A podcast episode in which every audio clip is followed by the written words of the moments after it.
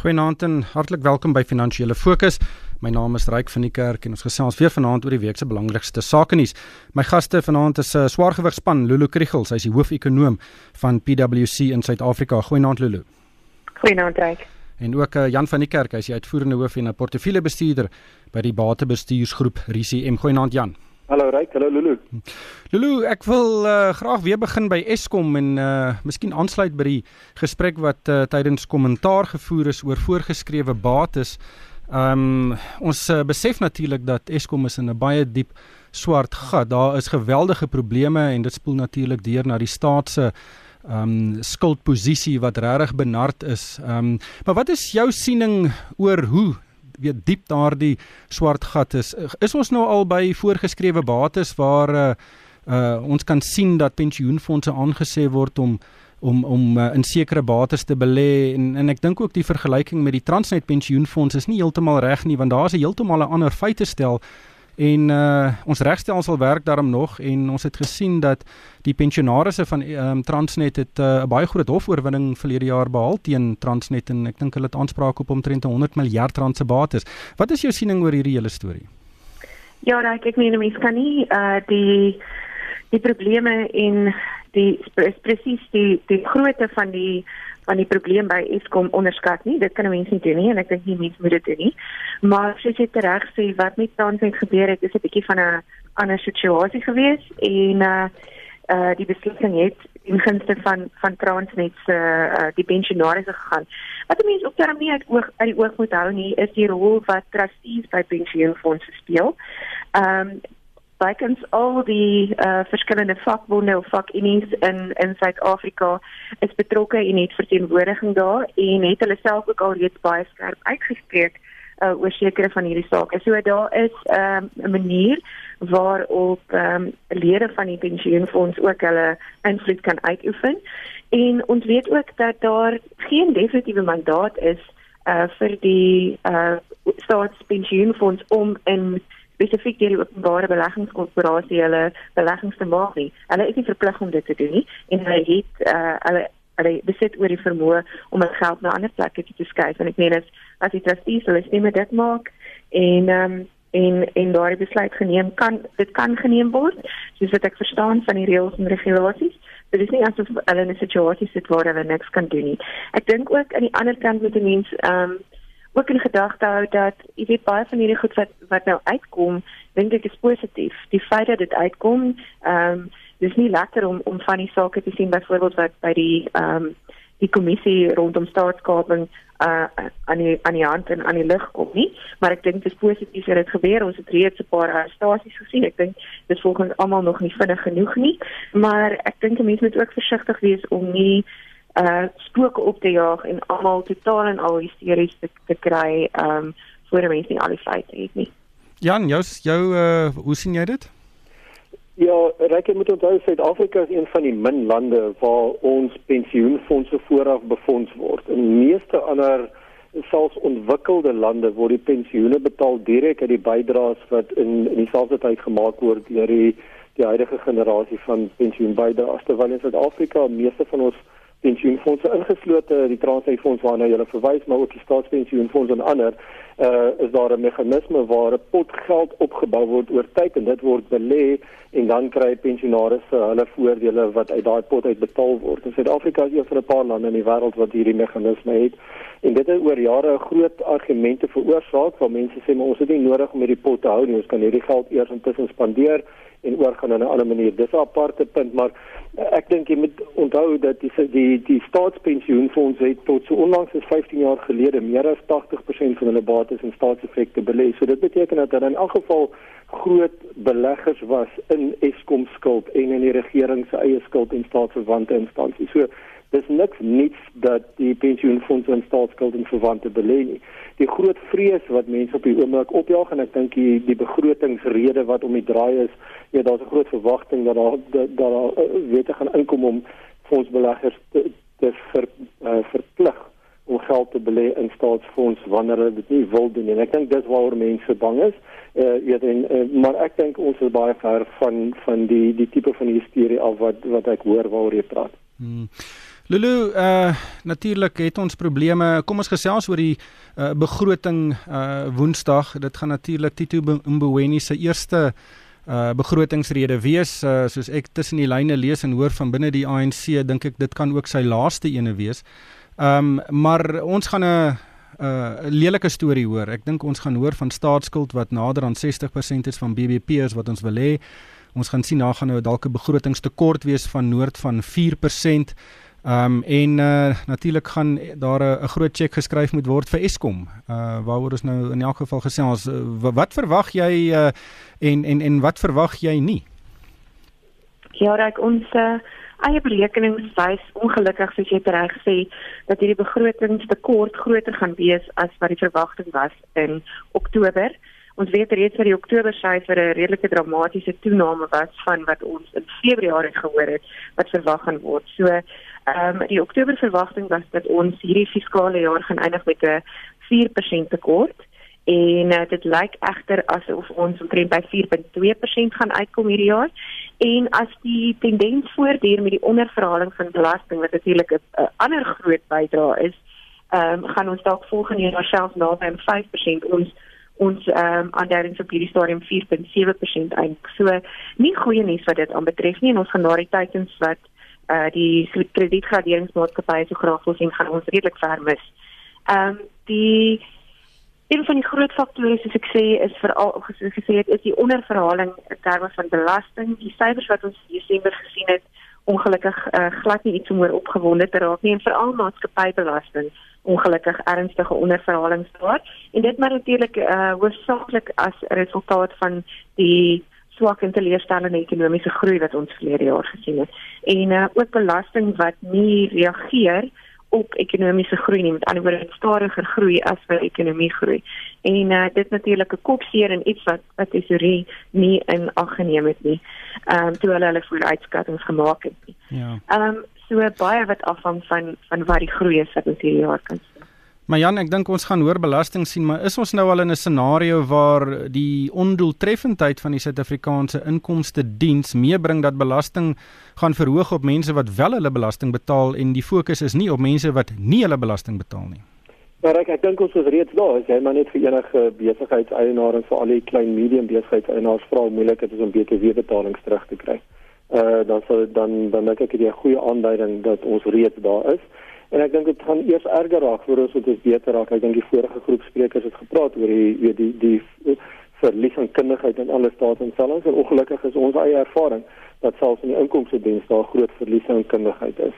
En, en ek dink die, die die risiko wat jy uitlig is beslis beslis waar. Dit beteken ook dan dat die belastingmoraliteit so weet die die besighede en individue se geneigtheid om te voel dat hulle wel belasting wil betaal omdat dit die regte ding is om te doen dat dit ook agteruit gaan. So ek dink al hierdie goed werk saam met mekaar. Hmm. Ehm um, Lulu, dink jy uh, daar kan dalk 'n haas in 'n hoed wees wat uitgeruk word, ehm um, innoverende oplossing tot die geldprobleem. Miskien die regering wat 'n ongewilde besluit neem en sê luister, ons gaan die staatsdiens verklein.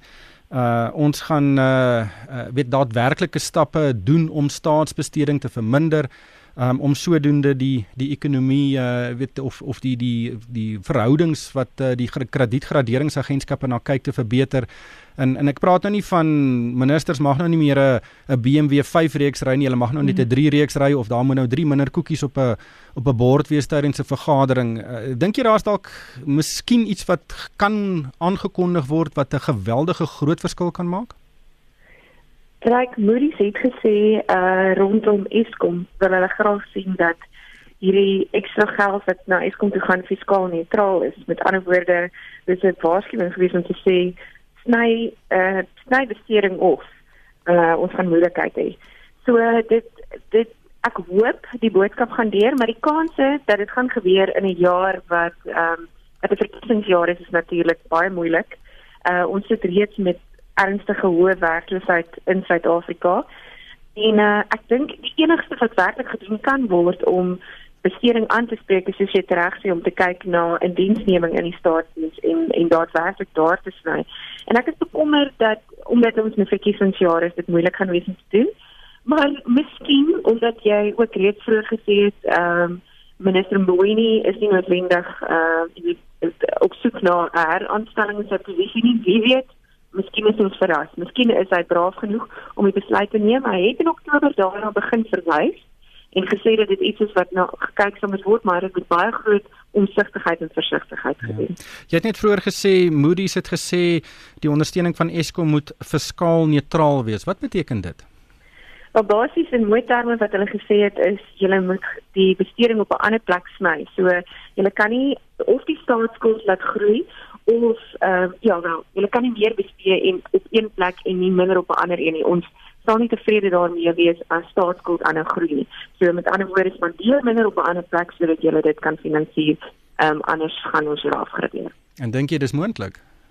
Ek dink ongelukkig uh vir die eerste keer in 'n baie lang tyd, dink ek daar is 'n groot kans dat Moody's ons wel kan afgradeer hierdie jaar en uh en ons tot op rommelstatus vat. Ons is natuurlik op hierdie stadium ehm um, het hulle ons op 'n neutrale uitkyk. So dit sal waarskynlik in twee stappe wees, maar as daar iets drasties gebeur, dink ek daar's 'n baie groot risiko. Ek dink die kans is groter as dat dit kan gebeur as wat dit nie gebeur nie.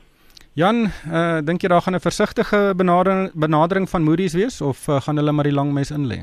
Uh, ek ek dink dit is onverwendbaar dat ons rommelstatus gaan uh, bereik. Uh, onthou 'n begroting is 'n plan om hoe die, hoe die geld bestee gaan word. Uh en in die verlede wat ons sien is jy daar is spesifieke dele van die begroting waar daar blaatant onderbesteding is veral op infrastruktuur. Jy weet so vir die laaste 10 jaar uh, word al die geld wat uiteengesit is vir kapitaalprojekte net nie spandeer nie. So dit word gewoonlik gebruik in ander plekke in die ekonomie. So uh, ek dink tog dat die regering as hulle dit wou, uh, weet dat hulle Eskom se skuld kon uitsorteer of probeer uitsorteer op 'n mate sonder om te groot impak te maak uh, op ander plekke van die ekonomie. Natuurlik het ons nodig dat die kapitaalspandering moet gebeur in elk geval sodat dit beter wees dat ons wel die infrastruktuur verbeter. Uh maar die traject wat ons op die oomblik is, is dit vir my duidelik dat daar daar's bitter min uh, wat die, wat ons minister nou kan doen om rommelstatus te te vermy. Die ding wat moet onthou, ons het omtrent 1.2 trilljoen rand se skuld uitstaande. Ehm um, en en die rentekoerse wat ons daarop betaal is reeds ooreengekom en vasgemaak in die verlede en omdat ons 'n goeie fiskale geskiedenis het, is daar rentekoerse redelik laag. Die rentekoerse wat impak geïmpakteer word deur 'n Moody's afgradering is die rente wat ons betaal op nuwe skuld wat ons op die op die oomblik aangaan. Uh en ons regering is elke week aktief besig om meer staatsskuld in aan te gaan uh, en daai skuld gaan al hoe duurder raak en dit bly dan natuurlik vir 'n lang tyd in uh, in die boeke. Maar Jan, tog ons uh, Moody's se wat ons nou nog op 'n beleggingsgradering het, dis net op ons buitelandse skuld. Ons plaaslike Suid-Afrikaanse skuld wat uh, die oorgrootste meerderheid is van Suid-Afrika se staatsskuld, is daarom nog uh, relatief in die groen wat die graderingsagentskappe betref. Dit is nog 'n beleggingsgraad. Uh, vermoed jy dat ons dalk kan sien dat die plaaslike skuld ook afgegradeer kan word onder 'n beleggings uh, um, grens? Ja, onthou jou buitelandse skuld met jy moet buitelandse valuta afbetaal en dit is baie belangriker. Uh, weet binnelandse skuld weet ons regering het die masjien om om rande te druk om dit af te betaal. So weet kan ons al die geld terugbetaal? Ja, ons kan, maar dit kan ongelooflike inflasie veroorsaak. So jou binnelandse skuld vat gewoonlik baie langer om afgradeer te word net omdat jy die rande self kan druk. So ek dink ou menie dat dit jou weet gemaklik stem nie wat Suid-Afrika wel reg gedoen het relatief tot buitelandse weer ander uh, ontleikende ekonomieë is ons het nie verskriklik baie geld in die buiteland geleen nie. So selfs as die rand verswak en dit is 'n natuurlike ding wat moet gebeur uh, om die ekonomie te beskerm, weet is die skuldlas wat daarmee kom baie minder as byvoorbeeld 'n land soos Turkye wat mees en Argentinië wat meeste van hulle buitelandse skuld in dollars aangegaan het. Lulu, uh, dit lyk dan of meeste ontleeders dink ons gaan afgegradeer word. Uh, hoeveel hiervan is reeds verdiskonteer? Uh kan 'n mens miskien iets daarin toeskryf dat die rand hierdie week so verswak het? Uh sprei dit dalk daaruit? Dit kan natuurlik een van die faktore wees. Ehm um, ek dink ook die nuus uh, rondom Eskom die ehm um, die kragonderbrekings wat ons gesien het, dit alles natuurlik bygedra tot 'n swakker verwagting uh of 'n negatiewe nuus vir ekonomiese groei ook. Maar tipies uh as jy kyk na die tendens uh, rondom afgraderings oor die langer termyn in ander lande, dan sien jy dat dit gewoonlik 3 tot 6 maande, partykeer soveel soos 'n jaar voor die tyd alreeds in ag geneem is. So ek dink tot 'n groot mate is die skok al reeds deur die markte sien ons reeds die impak of het ons reeds die impak daarvan op staatsie sektor gesien en ook ehm um, soos jy gesê het op Iran. Ek dink hierdie week was dalk 'n bietjie meer ander nuus ook, uh, boonbehalwe die afgradering en net weet net nie baie positiewe positiwiteit rondom ekonomiese groei as ons sien met die kragonderbrekings wat ons meer um, moet uithou van Eskom af nie. Ja, ek dink dis 'n baie tasbare 'n uh, bekommernis vir mense om te sien die ligte is nie aan nie. Ehm um, en ek dink dit uh, dis 'n baie geregverdigde bekommernis. Ehm um, die die uh, uh, ek dink net die uh, mens moet net realisties wees oor wat tans gebeur en of dit omdraaibaar is. Ehm um, ehm um, maar nog slegte nuus vir staatsbeheerde instellings Jan was die Suid-Afrikaanse lugdiens gaan 1.1 miljard rand plus rente oor 'n hele paar jaar terugbetaal aan Comair weens onmededingende gedrag. Uh en ek kan nou seker maar sê dis nie die SAL wat dit gaan betaal nie, dis belastingbetalers wat dit gaan betaal. Natuurlik, dis maar net nog 'n biljoen rand en as jy die rente daarby sit, is dit teen teen en weet meer as 2 biljoen rand in totaal wat oorbetaal word uh, uit die belastingbetalers se sak omdat ons regering glo dit is belangrik om ons eie lugredery te hê wat natuurlik nie nodig is nie. So jy's reg, dis maar net nog 'n teken van die van die wanadministrasie in in ons staatsinstansies. Ja. Dit gaan 'n groot probleem wees in die begroting ook uh, net laastens Lulu uh, Amerika en China het hierdie week om 'n tafel gesit en hulle het gepraat oor hulle handels uh skermutselings um oor die waters heen en Vrydag het dit gelyk asof daar dalk 'n ferm ander kan wees tussen die partye en die Dow Jones het geweldig opgeskiet. Uh hoe lees jy hierdie hele situasie? Ja, hulle het natuurlik tot die einde Maart uh, vir hulle self tyd gegee om ooreenkomste te bereik. Anders gaan hierdie ehm um, die tariewe wat ingestel is uh, deur die FSA van 10% na 25% verhoog. Wat natuurlik 'n groot klap kan wees vir China wat alreeds uh, verwag dat hulle die swakste ekonomiese groei in 20 jaar gaan hê. Ehm um, beide China en die FSA het positief gereageer en gesê dat hulle besig is om ehm um, te bereik in hierdie gesprekke. Wat ek dink wat 'n bietjie anders is is van die geleide wat ons vroeër in die vroeër van jare in die einde van verlede jaar gehoor het. Op daardie stadium was dit nou dat die FSA wat positief was met China wat baie minder positief was. So die feit dat beide lande is 'n woordvoerder positief is, ehm um, in my hoopvol dat hulle uiteindelik op 'n uh, punt of op 'n of ander vorm van 'n ooreenkoms kan uitkom uh, wat die skade wat dit kan berokken aan die internasionale ekonomie dalk 'n bietjie sal verminder. Ja, dit gaan natuurlik 'n groot impak hê op ontleikende markte soos Suid-Afrika. Maar Jan, jy bestuur mense se pensioengeld. Uh hoe hoe ernstig kyk jy na wat in Suid-Afrika aangaan teenoor wat in uh, Amerika byvoorbeeld nou aangaan? Ja, onthou die Amerikaanse ekonomie is al vir 'n lang tyd in 'n groeifase en en beleggers oor die algemeen aanvaar die werklikheid dat dinge goed gaan in Amerika, so batepryse vir vir diskonteer baie goeie nuus terwyl in Suid-Afrika is dit teenoorgestelde, so meeste batepryse uitgesluit weet in my opinie genoteerde eiendom met 'n groot mate staatsskuld rentekoerse vir diskonteer nie wat regtig op die grond aangaan nie maar alle ander weet baie genoteerde bates se pryse vir diskonteer verskriklike slegte nuus. So as dit net 'n bietjie beter gaan as wat die mark verwag, dan gaan jy baie meer geld maak in Suid-Afrika as in Amerika. Ons gaan dit ongelukkig daarmee los die tyd het ons ingehaal. Baie dankie aan Lulu Kriegel. Sy is die hoofekonoom van PwC in Suid-Afrika en ook Jan van die Kerk. Hy is die uitvoerende hoof en 'n portefeuljebestuurder by die Batebestuursgroep RCM. En van myself Ryk van die Kerk, dankie vir die saamluister en ek hoop almal het 'n winsgewende week.